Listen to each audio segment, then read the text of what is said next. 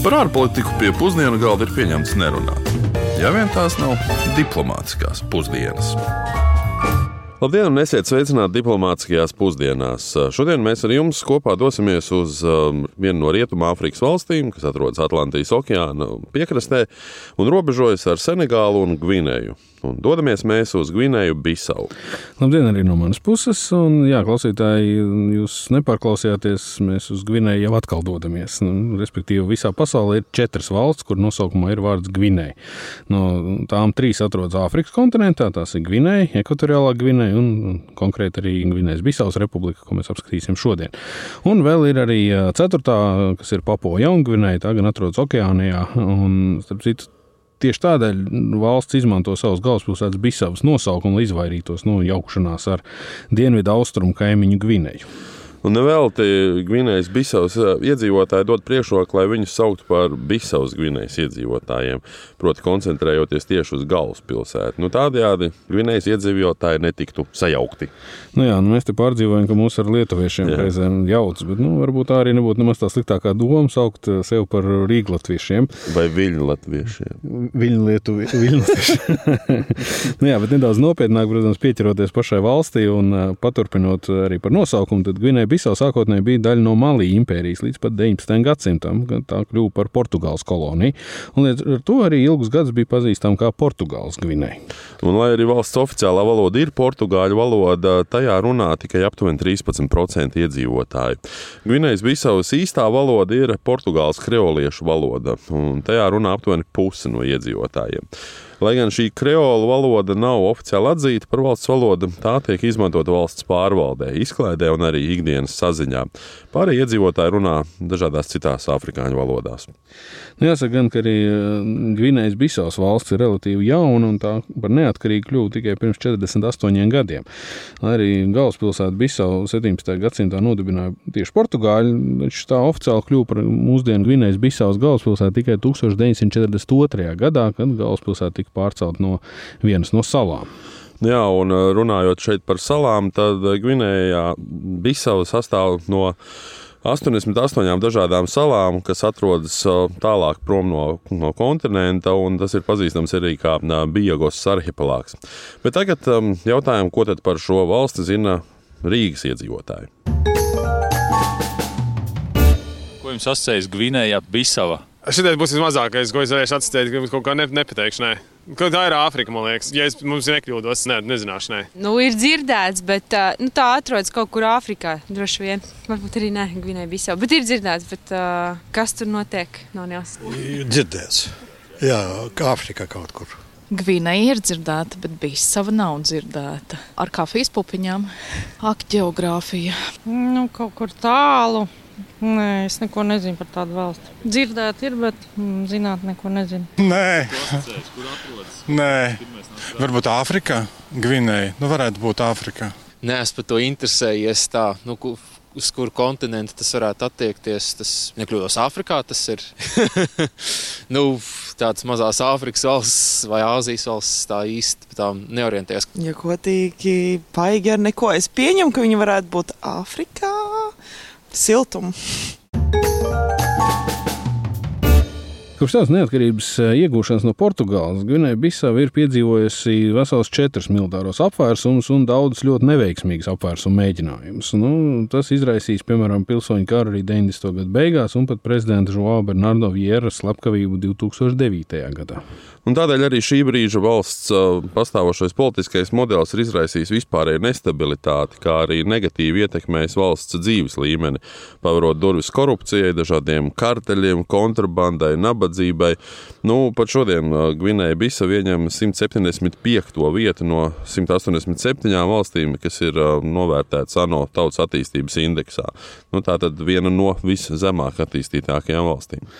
Nu jā, un ilustrācija, piemēram, viens no zināmākajiem stāstiem par Gvinēju Bisavu ir tās uh, tituls Āfrikas pirmo narkovalsts. Nu, Bēdīgs slavens tituls tika iedots 2000. gada sākumā, kad ANO nosauca valsts par Āfrikas pirmo narkovalsti, jo valsts kļuva par starptautisko narkotiku tirzniecības uh, tranzīta punktu. Nu, šo narkotiku tirzniecību ir veicinājusi valsts sērta atrašanās vieta Rietumāfrikas piekrastē, kas padara to vienkārši par ideālu tranzīta punktu. Nu, narkotikas tiek nosūtītas no Dienvidamerikas, nonāk nonāk valstī, kuras robežas faktiski netiek uzraudzītas, nevienam īsti neinteresē, kas pie tām notiek, un tās pēc tam tiek vienkārši tālāk izplatītas visā Āfrikas reģionā. Un tā kā Gvinēja Bisau vajā dažādas pārvaldes problēmas, likuma izpildes trūkums un, un, un arī, protams, ļoti plaši izplatītā nabadzība, nu, tas viss padara narkotiku tirgotāju darbību gan vieglu, gan arī nu, faktiski relatīvi nesodām. Jāsaka, protams, narkotika tirzniecībai ir bijusi liela ietekme, protams, arī uz pašu valstu un tās attīstību. Nu, attiecīgi palielināsies korupcija valsts amatpersonām un tiesību sargājušiem iestādēm, iesaistoties narkotika tirzniecībā. Tas noved pie likuma varas izpratnes un faktiski sabrukuma. Un narkotika tirzniecība veicinājusi arī vardarbību, jo konkurējošās bandas, protams, sacenšas par kontroli pār nu, visnotaļ ienesīgo rūpā. Un tas ir radījis bīstamu un nestabilu vīdi, kas ir kavējis valsts ekonomisko izaugsmu un apgrūtināja, protams, cilvēku normālas dzīves veidošanos. Nu jā, tomēr par spīti arī starptautiskās sabiedrības un pašas Gvinējas Bisavas valdības centieniem narkotika tirzniecība joprojām turpina zelt. Un uh, šeit ir vēl ļoti tāls ceļš ejams, lai vispār šo reģionu varētu uzstīt par drošu un stabilu vietu, kur dzīvot, nodarboties ar uzņēmējdarbību. Nu, tieši tādēļ Gvinēja Bisau, kā maza rietuma Āfrikas valsts, uh, tomēr ieņem unikālu vietu starptautiskajā arēnā. Un par spīti tam, ka tā ir izmēros diezgan maza. Valsts ir spējusi apliecināt savu neatkarību un suverenitāti, saskaroties ar daudz lielākām un spēcīgākām valstīm. Tas tiek bieži vien panākts apvienojot diplomātiju ar diezgan interesantu un arī gudru ārpolitiku. Jā, nu, šajā gadījumā viens no galvenajiem Gvinējas Bisavas diplomātijas aspektiem, kā mazas valsts diplomātijas aspektiem, ir tā spēja veidot alianses un attiecības ar citām mazām valstīm un reģionālajām organizācijām. Piemēram, valsts ir Rietumāfrikas valstu ekonomikas kopienas ekovas locekle. Jā, un citu arī pašlaik prezidējošā valsts. Nu jā, nu, un attiecīgi tas nodrošina platformu, piemēram, lai sadarbotos ar citām Āfrikas valstīm un aizstāvētu valsts intereses reģionālā līmenī. Un ne tikai reģionālā līmenī. Nu, vēl viens svarīgs faktors ir Gvinējas Bisavas spēja izmantot savu strateģisko atrašanās vietu. Kā jau mēs minējām, tad Tas ir nu, tāds rietumu Āfrikas krustcelis, kas padara šo valsti par svarīgu tranzīta punktu tirdzniecībai uz Eiropu, Āziju, protams, arī Āfriku. Un tas piešķir zināmu ietekmi, kas ir nesamērīga ar šīs valsts reālo lielumu. Un arī dažādas citas valstis, arī starptautiskās organizācijas vienkārši mēģina sadarboties ar šo mazo valstiņu, lai piekļūtu šiem svarīgajiem tirdzniecības ceļiem. Bet par Gvinējas Bisavas īstenoto diplomātiju un šo alianšu veidošanu mēs vairāk lūdzām pastāstīt šīs valsts ārlietu ministrei Sūzijai Karlai Barbosai, kuras, starp citu, vēl pagājušajā nedēļā viesojās šeit pat Rīgā, Latvijā. My country is a small country in West Africa. It only has 36,000 kilometers square and a population of about 1.8 million, which is quite similar to yours. Mana valsts ir maza valsts Rietumāfrikā. Tā ir tikai 36,000 km2 liela, un tajā dzīvo 1,8 miljonu cilvēku, aptuveni tikpat cik Latvijā. Mēs esam ļoti draudzīga valsts, kas ar vien vairāk atveras pārējai pasaulē. Kā saka mans prezidents, mēs esam maza valsts, bet mēs neesam maza nācija. Mans prezidents pašlaik ir uzsācis tādu īstu diplomātisku ofensīvu, lai jūs saprastu, kopš viņa mandāta mandāta sākumu 2020. gadā, kas saskanēja ar pašu Covid pandēmijas sākumu, mēs savā valstī esam uzņēmuši 22 citu valstu vadītājus. Tas ir savdabīgs rekords, jo tik mazai valstī ir nepieciešamas ļoti spēcīgas diplomātiskās iemaņas. Mēs esam uzņēmuši Francijas prezidentu Emmanuelu Makronu, Portugāles prezidentu Marcelo Rebelo de Sousu un daudzus Āfrikas valstu līderus.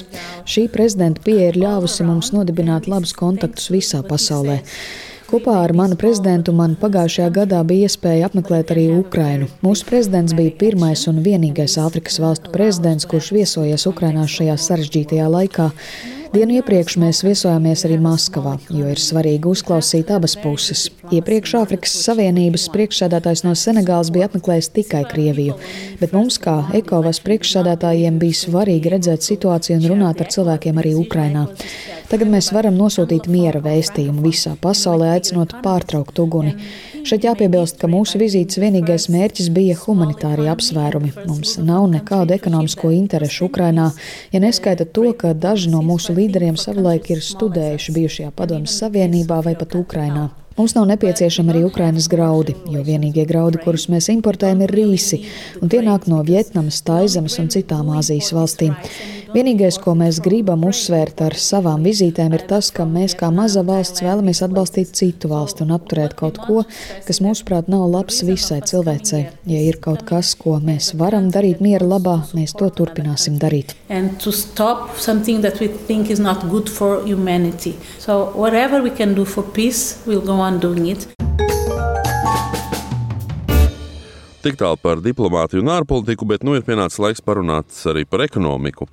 Aptuveni 1,8 miljonu iedzīvotāju lielā valsts ir viena no nabadzīgākajām valstīm pasaulē. Un, Balstoties uz pirktspējas paritāti, tad 2022. gadā valsts tika atzīta par 14. nabadzīgāko valsti pasaulē. Tas gan ir salīdzinot tās IKP uz vienu iedzīvotāju ar Latviju. Nu, sanāk apmēram 17 reizes mazāks un apmēram tikai 2000 eiro liels. Nu, valsts ekonomika lielā mērā balstās uz lauksaimniecību un zivsaimniecību un nelielu rūpniecības nozari. Neskatoties tās ekonomiskās izaugsmas potenciālu, valsts ienākums vienu iedzīvotāju ir nedaudz mazāk nekā 500 eiro gadā. Jā, lauksaimniecība tiešām ir šīs valsts ekonomikas mugurkauls un nodarbina vairāk nekā 80% iedzīvotāju. Vienlaikus veidojot aptuveni pusi no valsts IKP. Gvinējas Bisavas rūpniecības nozara joprojām ir tikai tādā attīstības sākuma stadijā, un valstī darbojas, nu, varētu teikt, daži mazi uzņēmumi infrastruktūras un investīciju trūkums kopā ar šo slikto uzņēmēju darbības vidi, par ko jau arī pirms tam runājām, tas arī viss kavē šīs nozares izaugsmu un attīstību. Jā, no dažādu iniciatīvu palīdzību Gvinējas Bisavas valdība, protams, ir strādājusi, lai uzlabotu valsts ekonomiku. Nu, kā jau normālā situācijā katrs valsts valdība cenšas. Un viens no Gvinējas Bisavas veidiem, kā risināt šo nabadzības problēmu, ir turisma nozares attīstība, nu, kas spēj radīt darba vietas un radīt ienākumus. Tomēr, nu, prātā, protams, jāpat tur ir iepriekš apskatīti izaicinājumi valstī un vēl ļoti daudz neatrisinātie problēmu jautājumi. Valsts faktiski ir atkarīga no starptautiskās uh, finanšu palīdzības, augstais korupcijas līmenis un investīciju trūkums gan infrastruktūrā, gan arī cilvēku kapitālā. Attiecīgi, protams, ir galvenie iemesli, kāpēc valsts nevar pat īsti līdz galam uzsākt normālas ekonomiskās izaugsmas ceļu. Lai cik būtu paēdis, vienmēr ir vieta arī desertam. Bet tagad pienācis laiks arī desertam. Ievadā jau nedaudz minējām par Gvinējas Bisavas bagāto mantojumu, šajā gadījumā salām.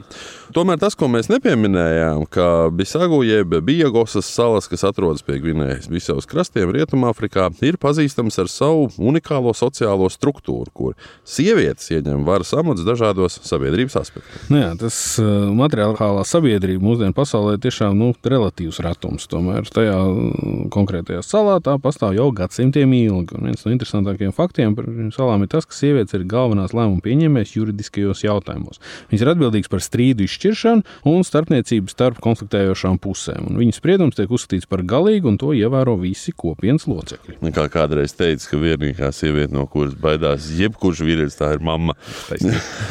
Vēl viens interesants fakts ir tas, ka sievietēm ir nozīmīga loma arī savu ekonomikā. Viņām pieder un tās pārvalda zemi. Viņas kontrolē iekšējo un ārējo tirzniecību, un viņas arī ir galvenās savu ģimeņu nodrošinātājas. Nu, tas, protams, ir tādā krasā pretstatā patriarchālajām sabiedrībām, kas dominē lielākajā daļā pasaules, īpaši arī Āfrikas reģionā. Jā, nu, Bijāgas salas eh, ir pazīstams arī ar savu bagātīgo garīgo mantojumu, kultūras mantojumu. Sievietes ieņem nozīmīgus amatus arī eh, reliģiskajās praksēs, paražās un rituālos. Un tiek uzskatīts, ka viņas, tieši viņas ir salu kultūras mantojuma sargātājs. Un šī garīgā ieteikuma attiec arī uz laulību kārtošanu, kur sievietes ir tās, kas izvēlas savu partnerus un organizē kādas ceremonijas.